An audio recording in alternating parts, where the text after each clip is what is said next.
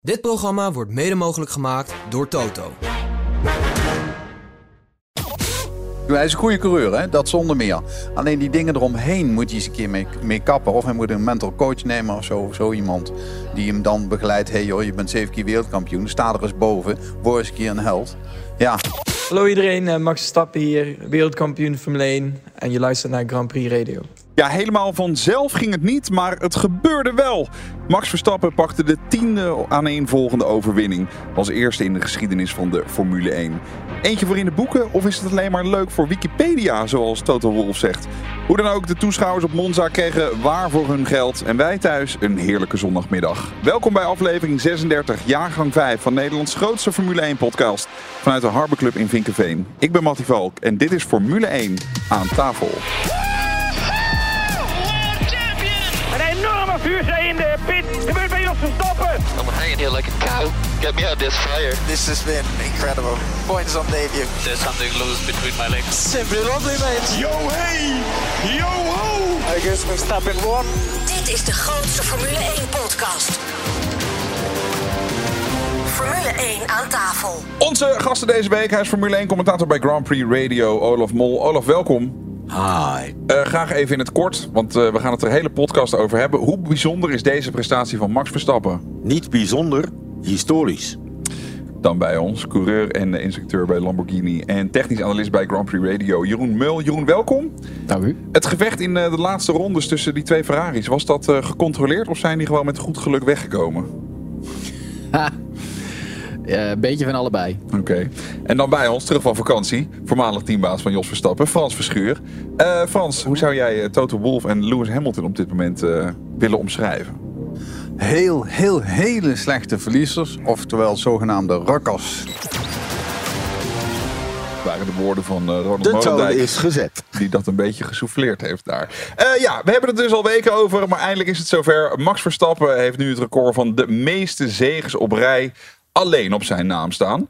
Vorige week in eh, Zandvoort evenaarde hij eh, de reeks van negen zegens op rij van Sebastian Vettel uit 2013. En door de zege op Monza staat het totaal eh, nu op 10. Daarbij was het de vijftiende zege van Red Bull op rij. Frans, ja, Olaf zei al even historisch. Wat vind jij ervan? Ja, met een hoofdletter vind ik wel. Dus heel bijzonder wat hij deed. En ook weer het wachten. En hij wist gewoon dat Ferrari op de long term het, het ging afleggen. En dan gewoon wachten, wachten. Dat moet je wel kunnen. Eh, ik vond Perez ook goed.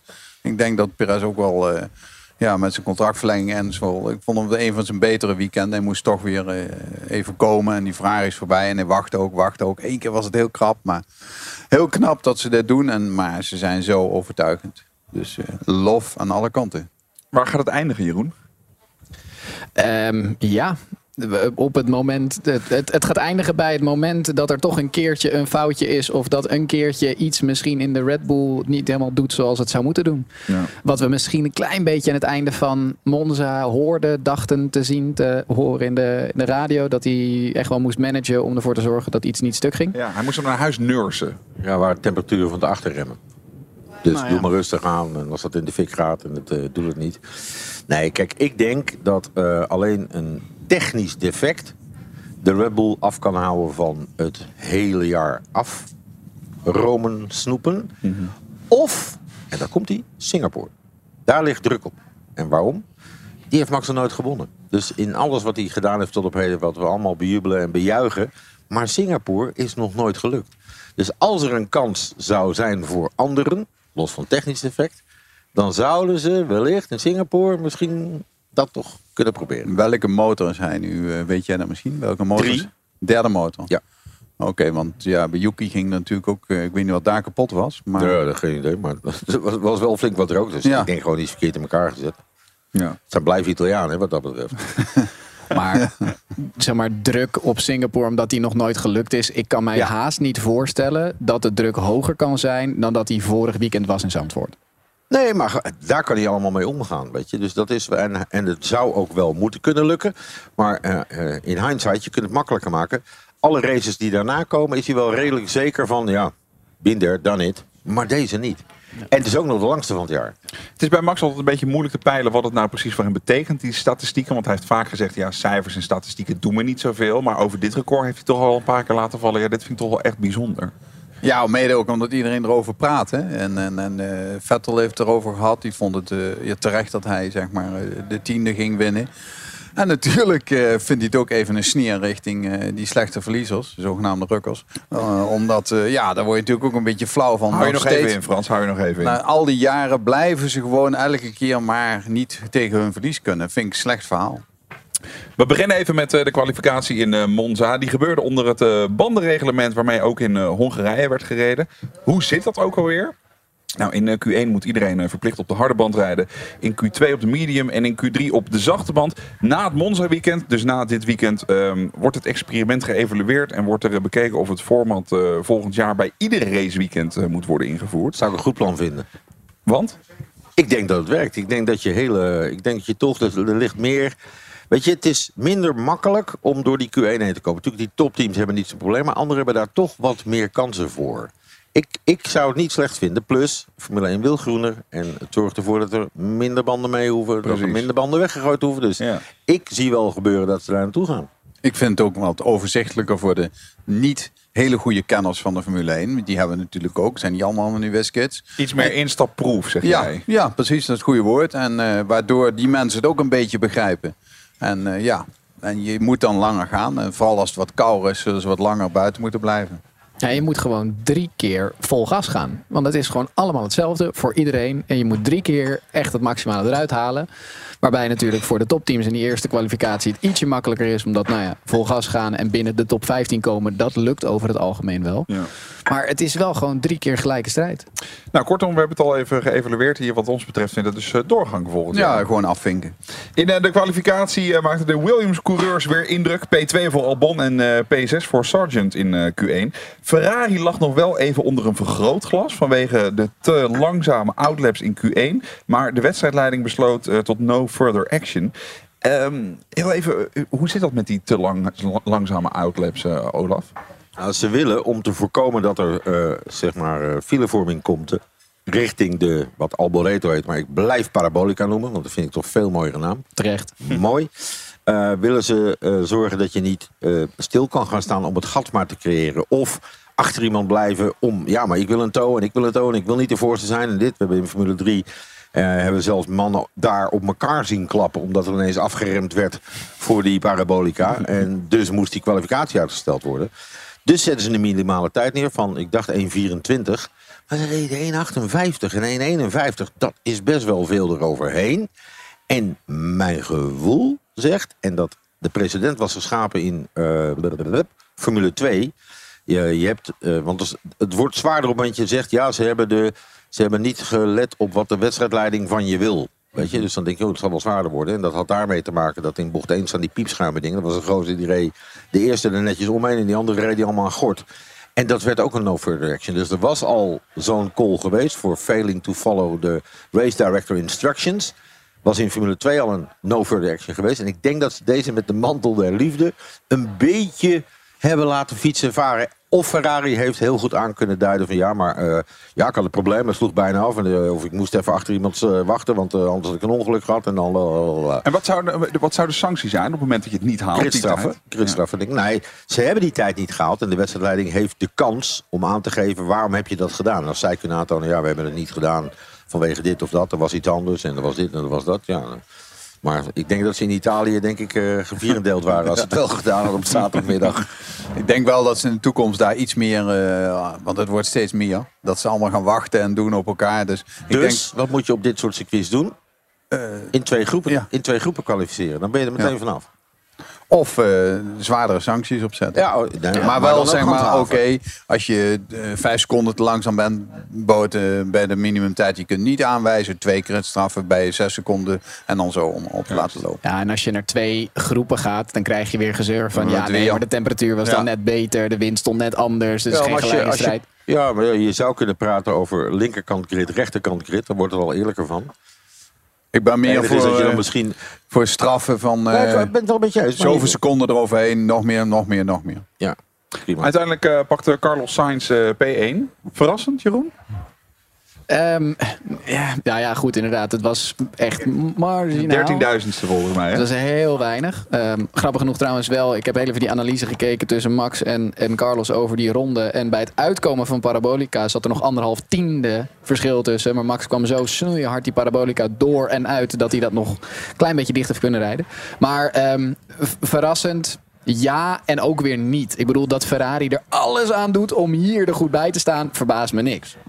Derde jaar op rij dat de top 3 binnen een tiende staat in Monza. Dus het is ook niet in dat opzicht niet verrassend. En ja, dan valt het kortje of de ene of de andere kant op.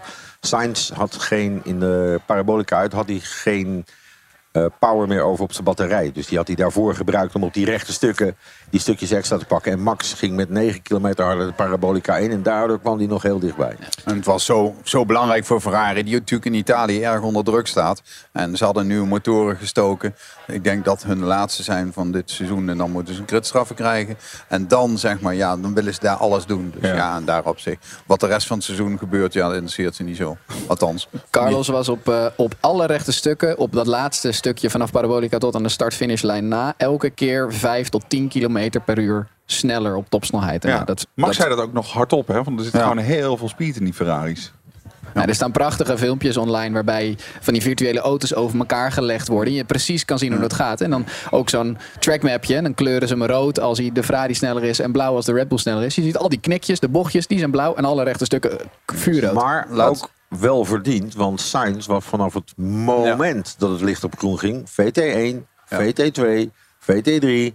Hij heeft het hele weekend echt aangestaan. Maar Ja. dan ook echt aangestaan. Hij heeft alles op het randje gedaan. Hè, want hij had in, in elke vrije training had hij wel een moment dat iemand zei dat hij hem blokte. Of dat hij dit deed. Of dat hij zus deed. Hij heeft nergens een straf voor gehad. Hij heeft het hele weekend op het randje van het reglementenboek gereisd. Tot en met in de race aan toe van zijn manier van verdedigen. Dat soort dingen. Ik, ik vond het prachtig. Uiteindelijk was het echt nog eh, flink vechten om zijn podiumplek te behouden natuurlijk. En die twee zijn wel getergd, hè? Leclerc en Sainz. Wie, eh, want daar is niet echt een eerste rijder. Dus ze neigen naar Leclerc, maar Sainz leggen zich daar niet bij neer. En dat is natuurlijk wel mooi.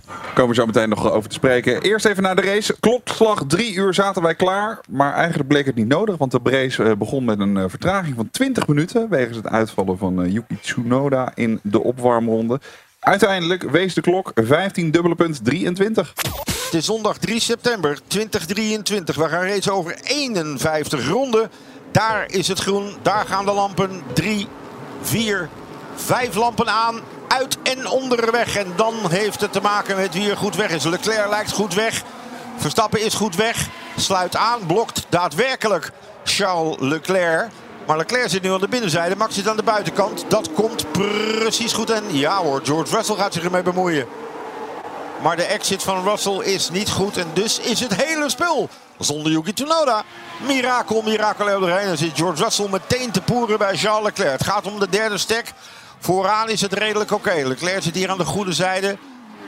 En dan is het oppassen geblazen bovenaan. Weinig blokkerende wieltjes. Geen gekkigheid. Daar nog wat twee dik, drie dik. Ik denk dat Lance Stroll een goede start. Of heeft Alonso zo'n beroerde start gehad? Alonso zit nu wel waar hij zit. Hulkenberg wel een goede start gehad. want Die is Alonso voorbij. Achter in beeld. Daar Hulkenberg, daar Alonso. Ja, er is een eerste aanval van Max in eh, ronde 6. Maar Carlos Sainz was, ja, zoals gezegd, echt eh, tijdens deze race koning van het verdedigen. Uiteindelijk lukt het wel in ronde 15. Pakt hij daar de leiding. Hij dwingt Sainz daar in een fout. Sainz verremt zich. Hoe dwing je iemand in een fout? continu druk erop laten staan. En ik ben ervan overtuigd inmiddels, maar ja, als de koe voorbij is, kijk je hem onder zijn kont. Max zat daar achter Sainz. Zo relaxed. Sainz zat met zijn tanden in het stuur, met zijn duim onder zijn kin. Dat is wat hij kon rijden. Max zat alleen maar te kijken van, oké, wat doet hij? Ah, hij begint al een beetje te glijden. Hij begint, ah, prima, het gaat de goede kant op. Want toen hij hem helemaal voorbij was, toen bleek hoeveel overspeed hij had. Dus eigenlijk, en natuurlijk, dat haalt wat weg bij het mooie gevecht wat we gezien hebben. Maar het was eigenlijk geen gevecht. Verstappen ging, heeft gewoon zitten wachten op het juiste moment. En daar is hij dan ook goed in. Hè? Die eerste eh, poging die kwam door een klein foutje. Toen haakte hij ook weer af. En toen hij uiteindelijk besloten had, nu ga ik het doen. Dan is hij het, dan doet hij het. En dan doet hij het ook sneller dan Perez dat doet. Die heeft er wat langer over gedaan. Maakt ook niet uit. Maar hij zat daar zo relaxed achter. Die heeft gewoon, eh, pff, Ja. ik wil niet zeggen met twee vingers in zijn neus achter zijn aangereden. Maar hij zat wel Die zat wel wat relaxter achter het stuur dan Sainz, die gewoon volle bak bezig was. Eigenlijk eh, deed Perez dit ook wel. Die wachtte ook. Wachten, wachten. Natuurlijk is die niet zo Nou, ik ben het gedreven. niet helemaal maar- met je eens. Probeerde, probeerde, probeerde. En lukte Ja? niet. Steeds de verkeerde kant, steeds de Ja. verkeerde kant. En het lukte niet. Ik bedoel, ik denk wel... Ik denk zomaar 8, 9 ronden lang. Maar die had nog maar een rondje of tien te gaan. En dan moest hij het doen. Ja, Ik vond Perez voor zijn doen Nee, ze- heel nee. goed dit weekend. Hij, heeft, hij heeft weer gedaan wat Ja. hij moet doen. Als Gewoon tweede rijder. moet hij tweede worden. Ja. Hoe kan het dat op het moment dat je Sainz voorbij bent, dat je dan ziet wat voor overspeed Max heeft? Wat die eerste kort lijkt te komen. En dan Nou, uiteindelijk is het er toch. Nee, hij kan dan op zijn eigen punten aanremmen. Hij kan dan op zijn eigen punten gas geven. Nu moet hij gewoon op het moment dat Sainz aanremt, dan zit erachter. Ja, dan zal hij toch net even dat half metertje eerder moeten remmen. Ehm, want anders zit hij er tegenaan. En bij de exits kan hij niet alle gebruik, al- alles gebruiken wat hij, wat hij aan mechanische grip, aan surplus heeft op die Ferrari. En dus als je vrije lucht hebt, ja, dan kom je in je tempo. En dan zie je ook, dan pakt hij snelste ronde. Weet je niet, snelste ronde, snelste ronde. Het feit dat hij zo consequent eigenlijk binnen een halve seconde van hem kon blijven rijden toen hij erachter zat. Bewees eigenlijk ook al dat hij zoveel overspeed heeft. Want zelfs ook op een circuit als dit, eh, waarbij je maar een aantal bochten hebt en de downforce niet zo extreem wordt gebruikt. Heb je echt wel last van vuile lucht van zijn auto voor je?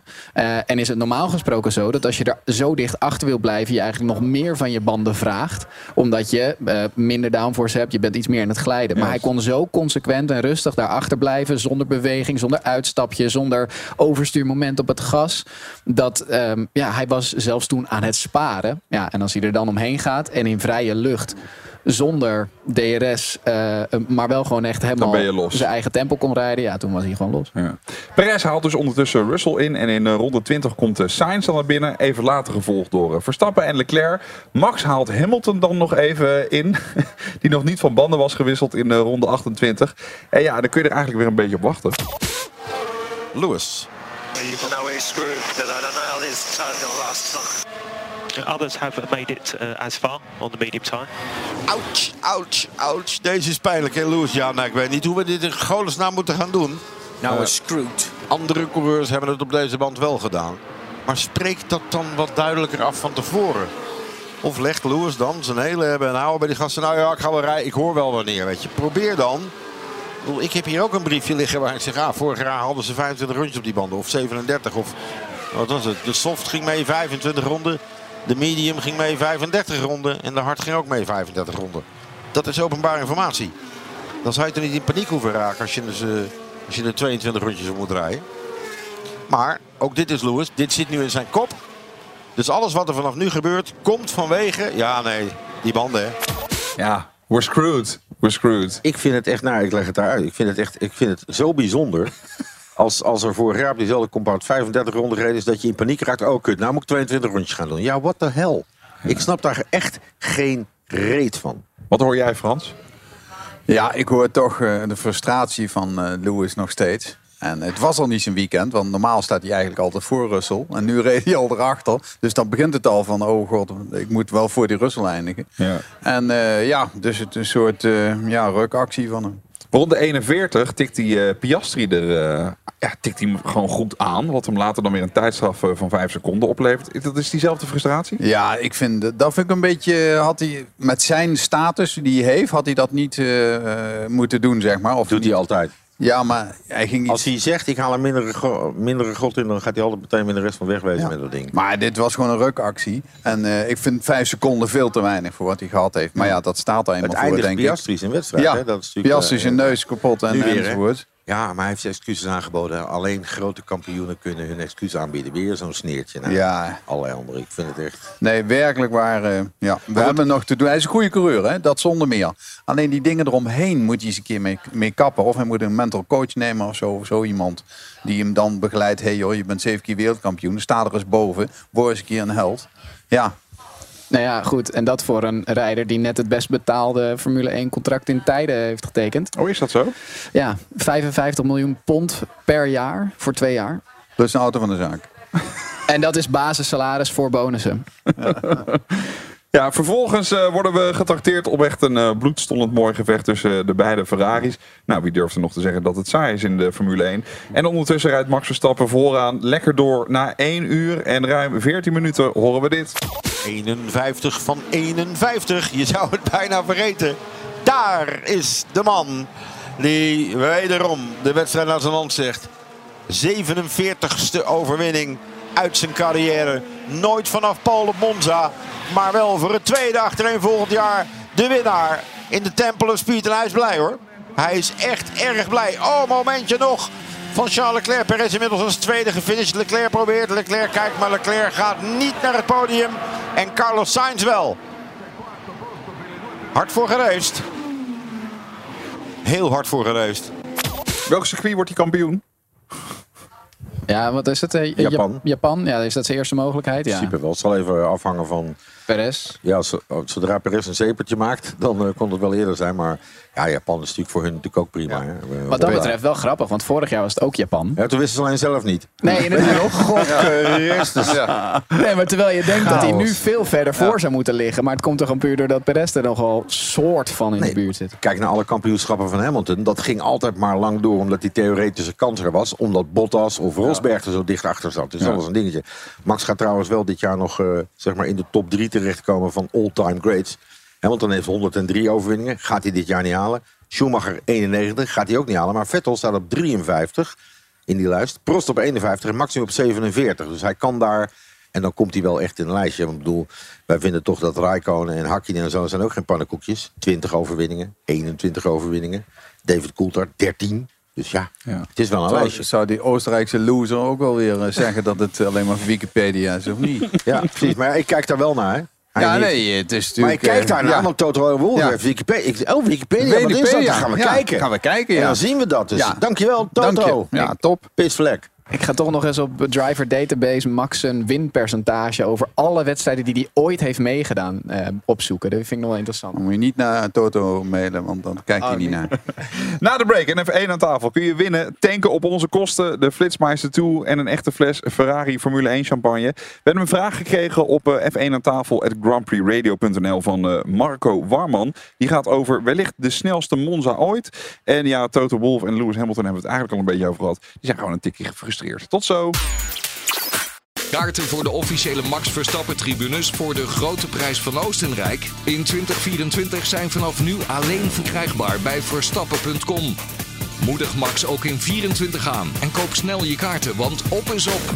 Verstappen.com is het enige en officiële verkoopkanaal van tickets voor de Max Verstappen tribunes.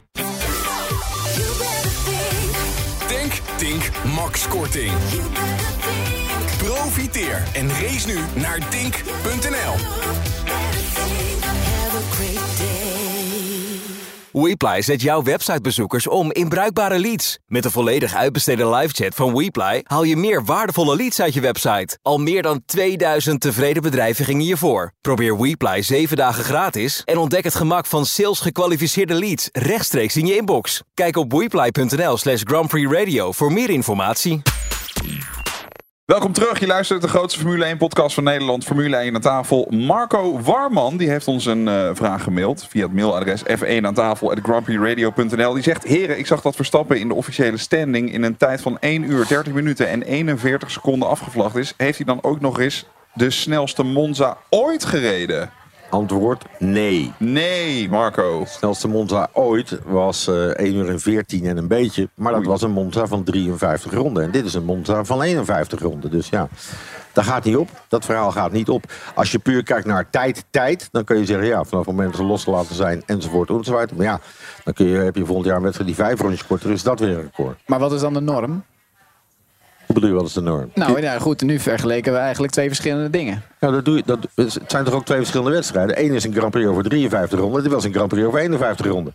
Ja, maar ik snap de vraag van Jeroen wel. Wat Nee, is dan de norm? wat is dan de norm? Dus dan moet je ergens een afstand gaan noemen of zo. Aantal afgelegde kilometers. Ja, dan- maar deze Grand Prix, wat mij betreft, maar omdat de wedstrijdleiding hem aanpast, zou geen Grand Prix mogen heten. Een Grand Prix is 300 kilometer plus. En deze ging over minder dan 300 kilometer. De enige die standaard minder over 300 kilometer gaat, is de Grand Prix van Monaco. Die baan is lang genoeg. Dat is dan ook een uitzondering. Een Grand Prix is 300 kilometer minimaal. Maar waarom hebben ze dat gedaan dan? Omdat het reglement weer zegt, als we een extra formation lab hebben, gaat er een Oh. rondje af. Oh, zo. En er kwam nog een extra Ja, ja, ja, formation ja, lab, dus er gaan ja, ja. twee ronden vanaf. Want Ja. anders komt iedereen aan het einde wellicht in de problemen met zijn brandstof. Want dat is allemaal uitgerekend tot en met dat ene litertje wat erover moet blijven. Duidelijk. Reglementenboek, mannen. Ja. Kom op, man, in de Ja. winter. Ga eens even lekker lezen. Godverdomme, man. Nou, mocht je een eh, vraag hebben, we hebben hier een eh, levend reglementenboek. Eh, F1 aan tafel at grandprixradio.nl Kun je ons op mailen. Ja, het was een eh, mooi duel op de limiet, maar eh, dus met respect voor elkaar. Zo omschrijven Carlos Sainz en eh, Charles Leclerc hun duel voor P3. Toch zegt Frederik Vasseur dat beide coureurs nog wel een gesprekje kunnen verwachten. Teambaas van Ferrari gaf aan dat hij de vinger op de knop had. Maar dat hij wel fan is van ja, laatste racen. En dat gebeurde ook, soms wel op het scherpst van de snede. Maar hierdoor wil de teambaas nog wel even met beide coureurs praten. Ook al is dat goed gegaan. Wat hebben we daar nou precies gezien? Ja, gewoon dat eh, geen van beiden wil tweede rijder zijn. Nee. Dus eh, ja, Leclerc die wil daar gewoon voorbij. Het hele weekend was hij natuurlijk al langzamer als Sainz.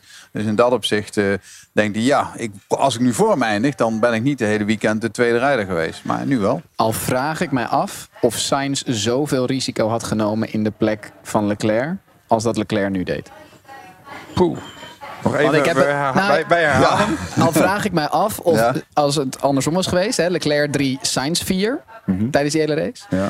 Of Sainz net zoveel risico had genomen als wat Leclerc nu deed bij de poging om in te halen bij Sainz. Want Leclerc is toch wel het. En voelt zich volgens mij ook nog steeds wel echt het goudhaantje van Ferrari. Ja. En eh, ja, eh, is natuurlijk in de kwalificatie al eh, eventjes één plekje teruggezet. Of eigenlijk twee, want hij stond niet tweede, maar derde. Ja, en dan, als hij dan deze kans krijgt om misschien dat podium wel te pakken... ehm, ja, ging hij denk ik net verder dan dat Sainz zelf was gegaan. Maar ik denk dat Leclerc ook op dat moment in beide gevallen de snellere auto had. Want Sainz had veel te veel van de banden moeten vergen. Eerst al in het ene verdedigingsverhaal, toen in het andere. Maar het interview na afloop van Leclerc is zilverhelderend. Ik heb genoten. Ik heb met een glimlach in mijn helm gezeten. Eh, sorry voor de harde tekst aan de pitbull. Maar dit is waar racen om moet gaan. En dat hij dan toevallig dezelfde kleur is. Hij zegt letterlijk, ik, heb in het verleden dit soort gevechten met Max gehad... waar ik wel van genoot.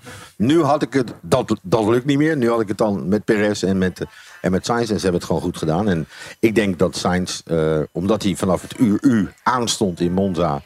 Hij had pole position. Hij heeft continu voor Leclerc gezeten. Dat dat wel, als er een call geweest was, dat dat had gemoeten. Maar zo is het ook goed. En eigenlijk had Leclerc veel meer uit die banden moeten halen. Die had hem er eigenlijk relatief makkelijk moeten kunnen inhalen. Eigenlijk. Ja. op, alleen op banden. Sainz verdedigde wel goed, vind Ja, ik. tuurlijk. En Op dat, eh, als, daar kunnen anderen nog eens een keer eventjes misschien eh, gaan kijken hoe die dat doet. Want sommigen laten zich wel heel erg makkelijk uitremmen. En, en dat Sainz vond ik echt goed verdedigen. Ja, wat dat betreft was het natuurlijk van allemaal voorin. Hè, Perez ook. En iedereen heeft achteraf gezegd: Ik heb genoten, ik heb zoveel plezier gehad. Het was op de scherpst van de snede, maar nooit over het randje. Kijk, tijdens de race proberen ze dat randje ook op te zoeken. door elkaar inderdaad in een gele kaart te tillen. Tjoh, die, Ehm, die, die Perez over, over die Russell. He pushed me off. Kon, gewoon, kon nog een halve auto tussen. Daar, zoeken, daar zoeken ze inderdaad tijdens de wedstrijd ook de randjes op. En nou maar even kijken. Maar goed, eh, dat hoort er dan ook een soort van bij, dat tactische spelletje. Maar het mooiste is dat ze allemaal- allemaal aan het einde gewoon lachen met elkaar staan en zeggen: ja, dit is wel hoe wij ook graag willen racen. Ik moest ook nog wel lachen op Max Verstappen, die op een gegeven moment zei over Sainz, eh, that's a little bit naughty. Ja, ja, Waar toch ook een soort van denigerend randje Tuurlijk, in maar zit. hij weet dat de hele wereld kijkt. Dus dan denkt hij, ja, laat ik dit maar een beetje roepen, joh. Dan staat hij weer een beetje... A little bit naughty. Ja. Ja, en je indekker, zoals het later wel nog een keer gebeurt. Hè, dan heb je, hem- je hebt hem wel al aangegeven. Dat, is, dat, dat is wat er ook achter zit. Van, het is eigenlijk gewoon een markertje zetten. Van oké, deze heb ik even mijn verlies genomen, maar let op.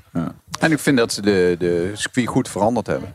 Zeker in de parabolica, die broodjes waar je Oh, op vroeger, die manier. Ja, ja. keer Formule 3 zag vliegen. En nu zag je die, de eerste bocht was binnen in een andere curb gemaakt. Waardoor ze, en de tweede kon ze redelijk overheen. Dus de baan was wel goed aangepast, vond ik.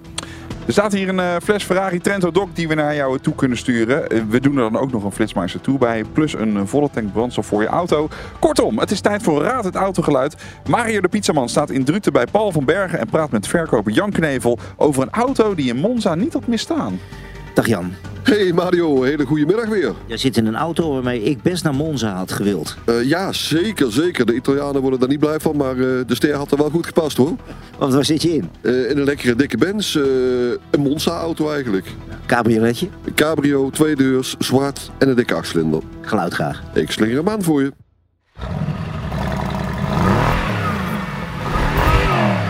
ja, ja, ja, ja, ja, ja. Onvervalst. Heerlijk, zo'n circuitgeluidje? Ja. Waar vinden we deze auto? Deze vinden we natuurlijk weer op www.paulvanbergen.nl. Ja, daar vind je hem wel. Dankjewel. Van welke auto was dit geluid? Stuur je antwoord naar F1 aan tafel. De winnaar van vorige week is Eugène Matti. Ja, ik kan daar niks aan doen. Het is echt zo. Het geluid was dat van een eh, Mercedes S500. Voelt als doorgestoken kaart. Is het echt niet. Eh, veel rijplezier. Je Je mag eh, alter ego. Matchfixing. de tank van je auto helemaal volgooien met Tink. Je krijgt ook eh, de Flitsmeister Toet, waarde van 80 euro die voorkomt dat je te hard rijdt. En proost, want je wint ook een officiële fles Ferrari Formule 1 Trento Doc. Zoals de coureurs die op het podium krijgen. Dan even nog over eh, Sergio Perez. Die heeft toegegeven dat hij eh, de nieuwe upgrades die de afgelopen maanden aan de RB19 eh, gedaan werden, niet snel genoeg onder de knie heeft gehad. Dat is volgens de Mexicaan de grootste reden van het grote gat tussen hem en zijn teamgenoot Max Verstappen. BS. Perez denkt dat hij het nu onder de knie heeft en verwacht een aanzienlijke verbetering voor hem. Nou, goed begonnen op Monza. Nee, maar alle, alle progressie van Perez komt op dit moment uit zijn hoofd.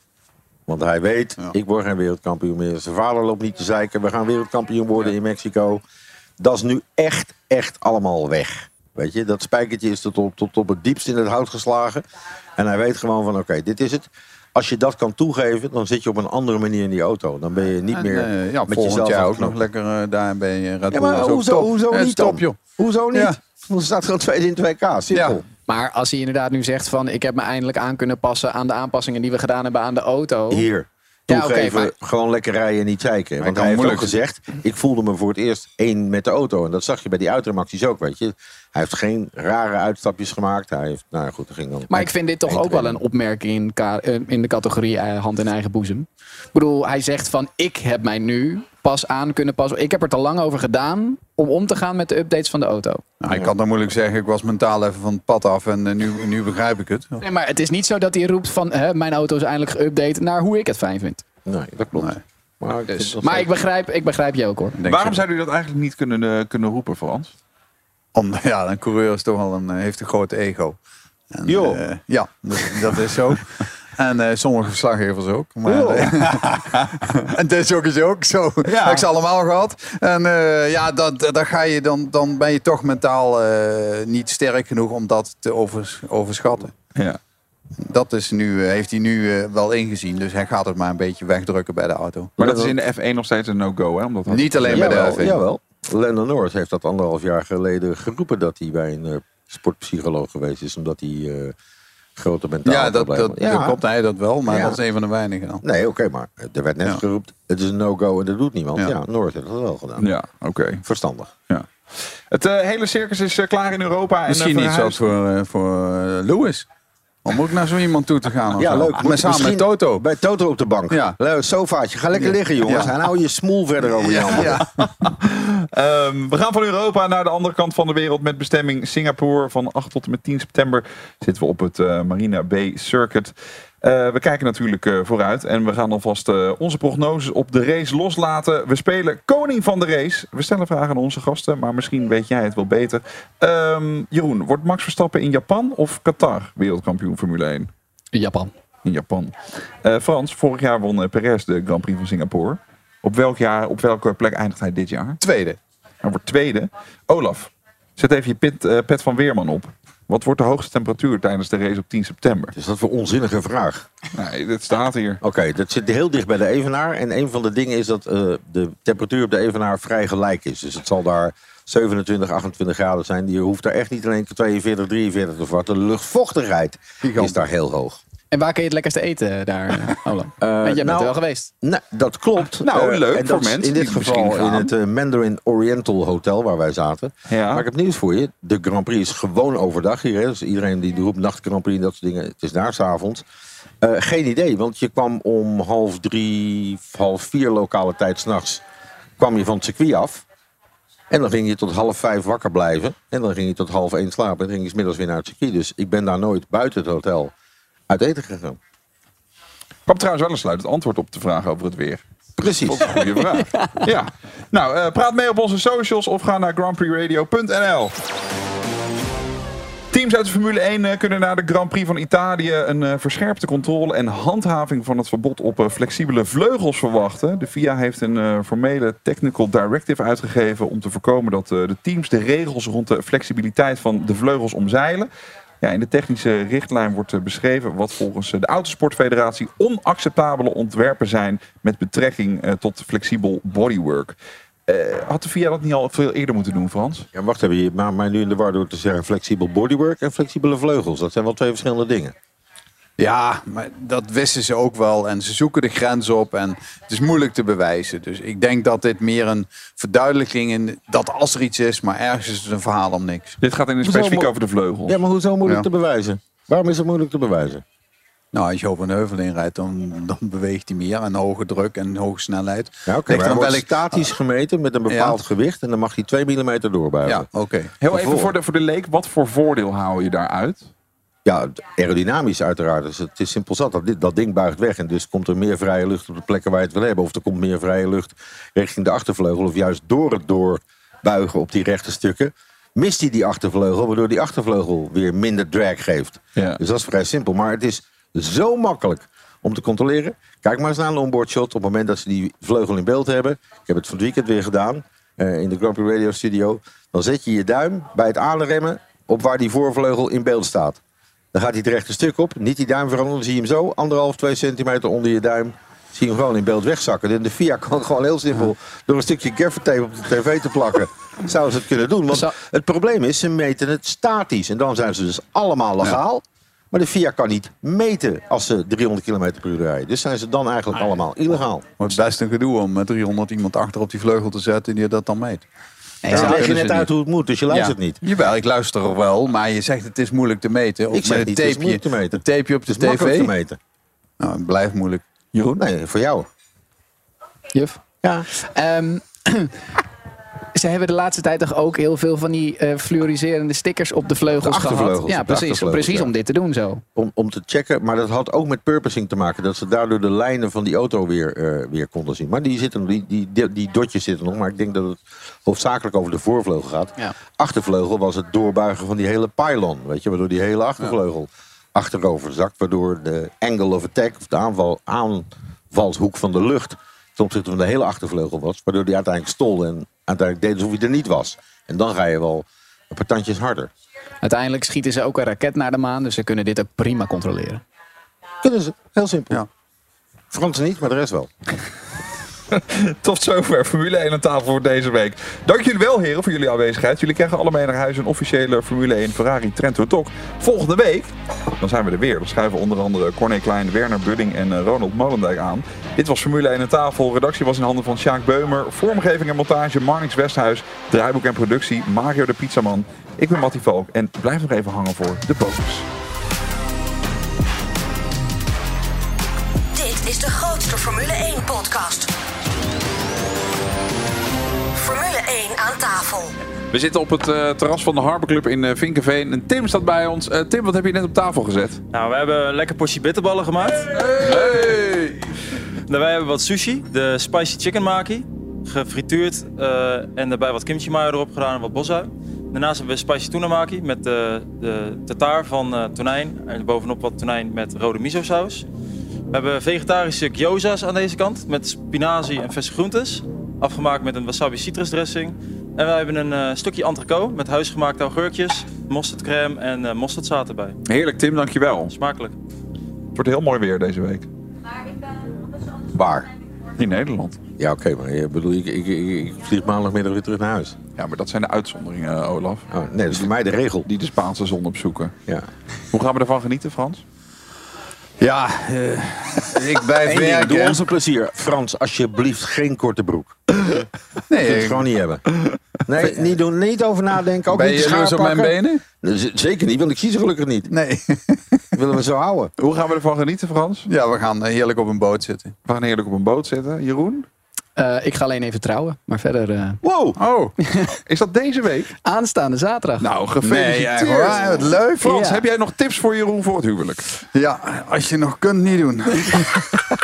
Let op. Alle gebruik van hetgeen in deze podcast F1 aan tafel wordt opgemerkt is ongeoorloofd. Zonder expliciete schriftelijke toestemming te zaken verkregen van Grand Prix Radio. Met inachtneming van een duidelijke, deugdelijke bronvermelding met link.